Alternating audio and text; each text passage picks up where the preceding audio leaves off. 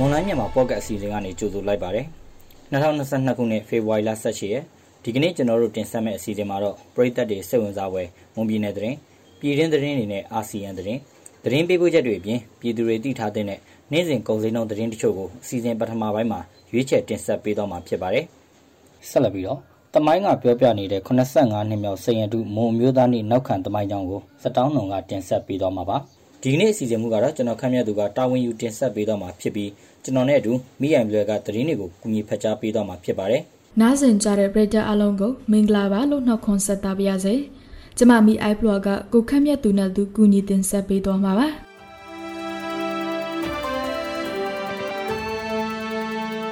ပထမဆုံးသတင်းတစ်ပုဒ်အနေနဲ့တထုံမြို့အောက်ကျင်းရက်ကွက်မှာရှိတဲ့တထုံမြို့မှာဈေးဈေးကောင်းရုံးမှာဒီကနေ့နေ့လယ်ပိုင်းကဘုံပေါက်ကွဲခဲ့ပြီးဈေးရောက်တဲ့ဈေးတယ်တွေနဲ့ဆိုင်ကန်းတွေပျက်စီးခဲ့ပါတယ်။ဈေးဝယ်သူနဲ့ဈေးရောက်သူအပါအဝင် 9ဦးခန့်ထိခိုက်ပြီးတော့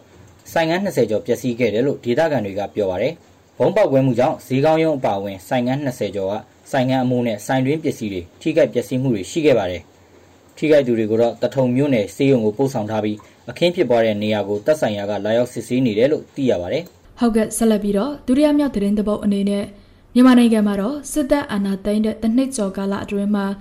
မတန်ဆွမ်းသူတွေပွားရက်တည်ရှင်တဲ့နေထိုင်ရအတွက်ပုံမအခက်ခဲရှိလာတယ်လို့မတန်ဆွမ်းအရေးကူညီနေသူတွေကပြောပါတယ်။မတန်ဆွမ်းသူတွေဟာစစ်တပ်အာဏာသိမ်းပြီးနောက်အလောက်အကင်ခွေအလံဆောင်ရှောင်းပြီးနောက်ဝင်ငွေမရှိတော့တဲ့အတွက်ကြောင့်မိသားစုစားဝတ်နေရေးအပါအဝင်ကျန်းမာရေးကအစခက်ခဲတွေနဲ့ရင်ဆိုင်နေရတာဖြစ်ပါတယ်။ မတန်ဆွမ်းသူတွေဟာကျန်းမာရေးဆောက်ရှောက်မှုအပြည့်အဝမရတော့တဲ့အတွက်ကြောင့်ရောက်ပိုင်းဆိုင်ရာထိခိုက်မှုတွေရှိလာသလိုစိတ်ပိုင်းဆိုင်ရာထိခိုက်မှုတွေလည်းပုံမဆိုးရွားလာပြီးအနာဂတ်မဲ့သလိုဖြစ်လာတယ်လို့မတန်ဆွမ်းအရေးကူညီနေသူတွေကဆိုကြပါတယ်။မွန်ပြည်နယ်မှာတော့မွေးရပါမတန်ဆွမ်းသူမတော်တဆထိခိုက်မှုကြောင့်မတန်ဆွမ်းဖြစ်သွားသူမျက်စိမမြင်သူနဲ့နားမကြားသူအပါအဝင်မတန်ဆွမ်းသူစုစုပေါင်းတောင်းထောင်နှိပါရှိတယ်လို့မွန်ပြည်နယ်လူမှုဝန်ထမ်းဦးစီးဌာနရဲ့စီးရင်တွေအရသိရပါဗျ။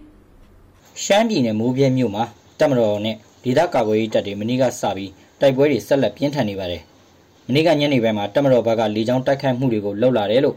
မိုးပြဲမြို့ကန်တယောက်ကပြောပါတယ်။ဒီနေ့မှလည်းမနက်6နာရီလောက်ခရဲကတိုက်ပွဲတွေစဖြစ်နေပြီးတပ်မတော်ဘက်ကတင်ကားတွေပါတုံးပြီးတော့တိုက်ခိုက်လာတယ်လို့မြို့ကန်တော်တော်များများကဘေးလွတ်ရာထွက်ပြေးခဲ့ကြရပြီးမြို့ကန်600လောက်မြို့ထဲမှာပိတ်မိနေကြရတယ်လို့သိရပါတယ်။မနေ့ကတပ်မတော်ဘက်ကစပြီးပြစ်ခတ်တဲ့လက်နက်ကြီးကြီးကြလို့အမျိုးသမီးတဦးဒဏ်ရာရခဲ့တယ်လို့ နေအိမ်ချို့လည်းပျက်စီးခဲ့တယ်လို့ဒေသခံတွေကပြောပါတယ်။မိုးပြဲမြို့မှာတိုက်ပွဲတွေကျယ်ပြန့်လာနေတာကြောင့်ထွက်ပြေးတိမ်းရှောင်နေကြရသူတွေကနောက်ထပ်နေရာတွေပြောင်းပြီးတိမ်းရှောင်နေကြရတယ်လို့တိုက်ပွဲရှောင်တွေကိုကူညီပေးနေသူတူကပြောပါတယ်။နောက်ထပ်ပြည်တွင်းသတင်းတပုတ်အနေနဲ့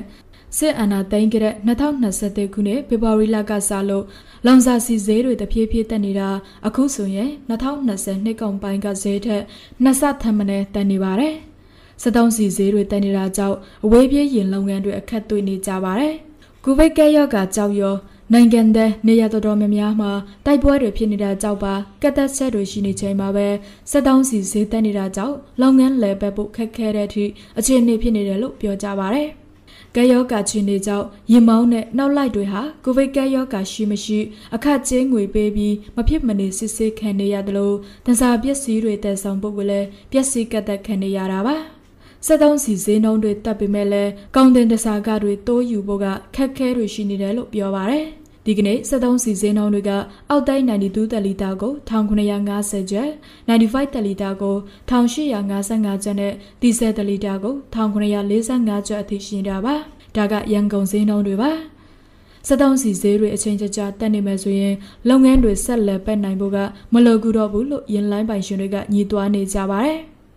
နောက်ထပ်အာဆီယံသတင်းတစ်ပုဒ်ကတော့ထိုင်းနိုင်ငံမှာကိုဗစ်ရောဂါကြောင့်မြန်မာအပါအဝင်နိုင်ငံခြားမှာအလုပ်လာလုပ်သူတွေတော်တော်များများနေရက်ပြန်သွားခဲ့တဲ့အတွက်စက်ရုံလုပ်ရုံလုပ်ငန်းတွေမှာအလုပ်သမားလိုအပ်ချက်ပြဿနာဖြစ်နေပါတယ်။ဒါကြောင့်နိုင်ငံသားအလုပ်သမား9000ကျော်ကိုပြန်လည်လက်ခံမယ်လို့ထိုင်းအစိုးရကလည်းကြေညာထားပါတယ်။မြန်မာနိုင်ငံသားအလုပ်သမားအများအပြားကိုဒီနှစ်မကုန်ခင်လက်ခံခေါ်ယူဖို့မြန်မာတာဝန်ရှိသူတွေနဲ့ညှိနှိုင်းနေတယ်လို့ထိုင်းအလုပ်သမားဝန်ကြီးတွေကလည်းပြောကြားထားပါတယ်။နှစ်နိုင်ငံနားလည်မှုစာချုပ်လား MOU စာချုပ်နဲ့လုပ်သားအများအပြားခေါ်ယူဖို့ ထိုင်းအစိုးရဘက်ကကန့်လန့်ထားပြီးမြန်မာဘက်ကလည်းတွားဖို့အစဉ်သင့်ရှိတယ်လို့မြန်မာအလုပ်သမားဌာနရဲ့အမြဲတမ်းအတွင်းဝန်ဦးညွန့်ဝင်းကပြောပါတယ်။ကော့တောင်းနဲ့မြောက်ရီနယ်စပ်ဂိတ်နှစ်ခုကနေလောက်သားစေလို့ဖို့ကနဦးသဘောတူထားပါတယ်။ဒါပေမဲ့ထိုင်းနယ်စပ်မှာထားမဲ့ကိုဗစ်ယာယီစောင့်ကြည့်ရေးစင်တာတွေမှာမြန်မာလောက်သားအများအပြားကိုထားဖို့ခက်ခဲတွေရှိနေပါတယ်။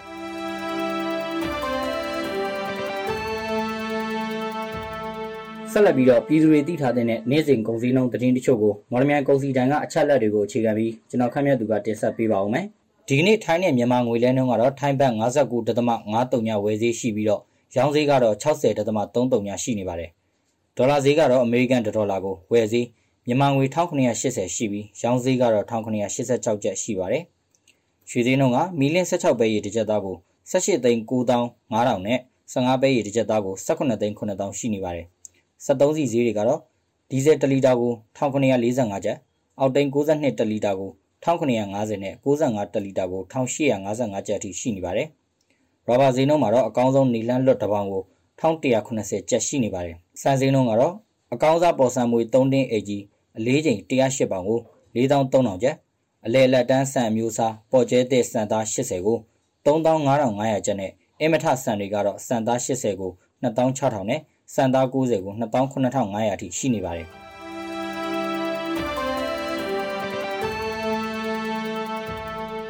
အခုတင်ဆက်ပေးသွားခဲ့တာကဖေဖော်ဝါရီလ18ရက်နေ့မှာဖြစ်ပျက်နေတဲ့မွန်ပြည်နယ်သတင်းပြည်တွင်းသတင်းနဲ့အာဆီယံသတင်းတွေအပြင်တနေ့တာစီစေးငွေစည်းနဲ့ကုန်စည်နှုန်းတွေကိုတင်ဆက်ပေးသွားခဲ့တာပါဆက်လက်ပြီးတော့တမိုင်းကပြောပြနေတဲ့85နှစ်မြောက်စည်ရတုမွန်အမျိုးသားနေ့နောက်ခံတမိုင်းကြောင်းကိုစတောင်းနှုံကတင်ဆက်ပေးသွားမှာပါ 85ကျန်ကျင်းပခဲ့ပြီးဖြစ်တဲ့မော်မျိုးသားနယ်မှာနောက်ခံသမားတွေရှိနေခဲ့ပါတယ်။လက်ရှိပြည်တော်စုမြန်မာနိုင်ငံမြေပုံကြီးမပေါ်ပေါက်မီအင်္ဂလိပ်ကိုလိုနီလက်အောက်ကနေလွတ်မြောက်ဖို့လွတ်လပ်ရေးကြိုးပမ်းစဉ်ကာလပင်လောင်စာကြောင့်မချောက်ဆုံမီနှစ်အနည်းငယ်အတွင်းမှာပဲမျိုးချစ်စိတ်ဓာတ်နဲ့နိုင်ငံရေးအမျှော်မြင်ရှိတဲ့မွန်ကောင်းဆောင်တွေဦးစီးလို့ပထမဆုံးအကြိမ်မွန်မျိုးသားနီလာခံကျင်းပခဲ့စဉ်မှာမော်မျိုးသားနေ့ကိုစတင်တတ်မှတ်ခဲ့တယ်လို့သိရပါတယ်။ပြီးခဲ့တဲ့ဆန်ရည်တုမော်မျိုးသားနေ့ခန္ဓာမှာ တဝန်လှော်ပေးပို့ခဲ့တဲ့လက်ရှိမော်မြင်တဲ့ဝန်ကြီးချုပ်ဦးစောလင်းထုံးကခုလိုကိုယ်တိုင်ဖတ်ကြားခဲ့တာပါ။တပူရဲလာပြကျော်တရက်နေ့ကိုအစွဲပြုပြီး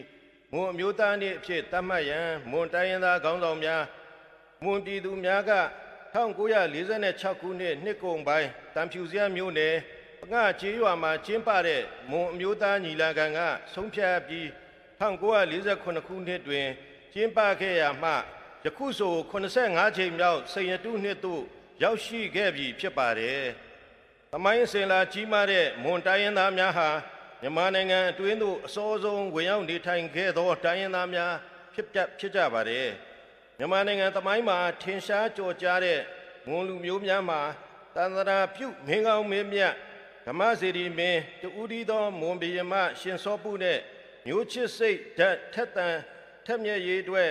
လှုံ့ဆော်ခဲ့သော GCBA အသင်းကြီးရဲ့ ခေါင်းဆောင်ဦးချစ်လိုင်တို့မှာထူးခြားထင်ရှားလာပါတယ်။ဒီတခြားနယ်ချက်စမ်းကျင်ရေးအတွက်မြမလွတ်လပ်ရေးတပ်မတော်ကိုစတင်ဖွဲ့စည်းချိန်မှာလဲထိုင်းနိုင်ငံရောက်မွန်တိုင်းရင်းသားများပါဝင်ဖွဲ့စည်းကြပြီးတော့အခြားတိုင်းရင်းသားများနဲ့အတူလက်တွဲပြီးတော့တိုက်ပွဲဝင်ခဲ့ကြပါတယ်။မွန်မီတဲ့ပါတီဥက္ကဋ္ဌနိုင်ဟန်တာကလည်းမွန်မျိုးသားနဲ့တတ်မှတ်ခဲ့တဲ့တမိုင်းကြောင်းကိုပြီးခဲ့တဲ့မွန်မျိုးသားနဲ့ခန္ဓာမိုက်ခုံးမှာမွန်ဘာသာနဲ့ခုလိုထည့်သွင်းပြောကြားခဲ့ပါတယ် ကြီးမြတ်တဲ့ကျွန်တော်တို့မျိုးမျိုးရဲ့တမိုင်းအမွေနှစ်တွေကိုသိရှိလာပြီးတဲ့အခါမှာဒီအမွေနှစ်တွေကိုဆက်လက်သိမ်းသိမ်းတော့ဖို့ဘလို့တာဝန်ရှိတယ်ဆိုတာလူငယ်တွေသိရှိနားလည်လာဖို့ဆိုပြီးကျွန်တော်တို့ရဲ့ကောင်းဆောင်တွေကမွန်မျိုးသားတွေကိုတတ်မှတ်လာခဲ့တာပါမွန်မျိုးသားနဲ့တတ်မှတ်ဖို့ဘယ်မှာဆုံးဖြတ်ခဲ့ကြတယ်လဲဆိုရင်ပတ်ငါကြီးရွာညီလခံကြီးမှာလို့ဆိုပါတယ်။မွန်မျိုးသားနေခန္ဓာအယူဆုံးချင်းပါတာက ကောဇာတက္ကရ1308နှစ်ခရစ်တက္ကရ1948ခုနှစ်ဘလူးကျွန်းရွာလို့မှာပါ။အခုလိုစီစီကကနဲ့ကျင်းပခဲ့တာမဟုတ်ဘူးအကျဉ်းယုံပြီးတော့လုပ်ခဲ့ကြပါတယ်။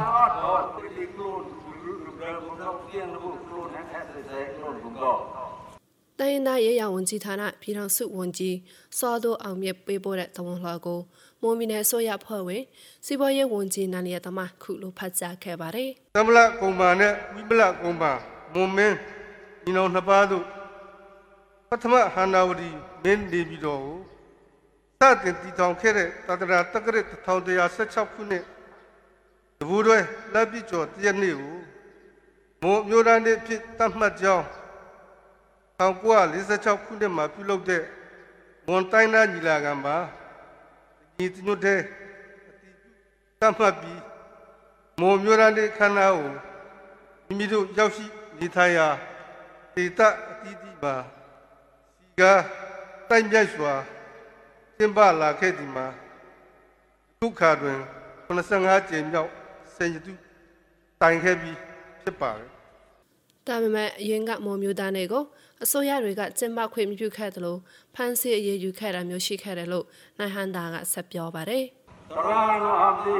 sakrat limpi lomara dua liwi tam sai bo to di demaka bo နောက်ပိုင်း1962ခုနှစ်ဘုံနေဝင်းဆက်အာဏာသိမ်းပြီးတဲ့အခါမှာတော့လုံးဝကျင်းပခွင့်မပေးပါဘူးအခုလိုပိတ်ထားတဲ့ကြားမှာအခမ်းအနားတွေကိုတိတ်ဆိတ်ပြုလုပ်ခဲ့ရပါတယ်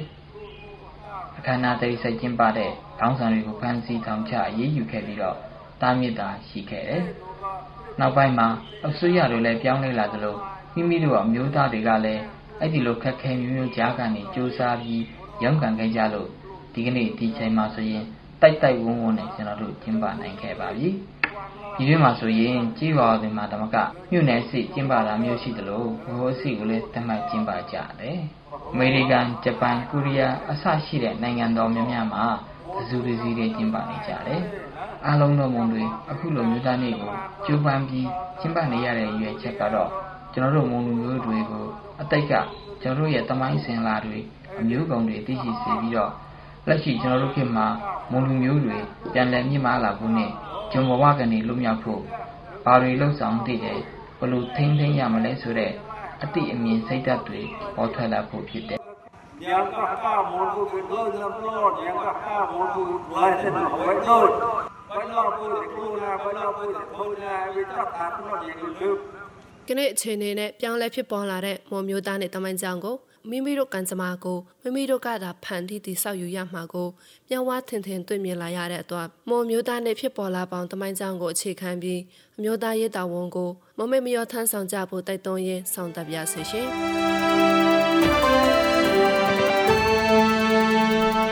ကျမတို့ရဲ့မလန်းမြန်မာ podcast အစီအစဉ်ဒီမှာတင်ပြဆောင်ပါပြီ။နားဆင်ကြတဲ့ပရိသတ်အားလုံးကိုနောက်နေ့အစီအစဉ်တို့မှာဆက်လက်အားပေးကြပါအောင်လို့ဖိတ်ခေါ်ရင်းအစီအစဉ်ကိုအဆုံးသတ်ပါရစေ။ အားလုံးကိုကျေးဇူးတင်ပါတယ်ရှင်။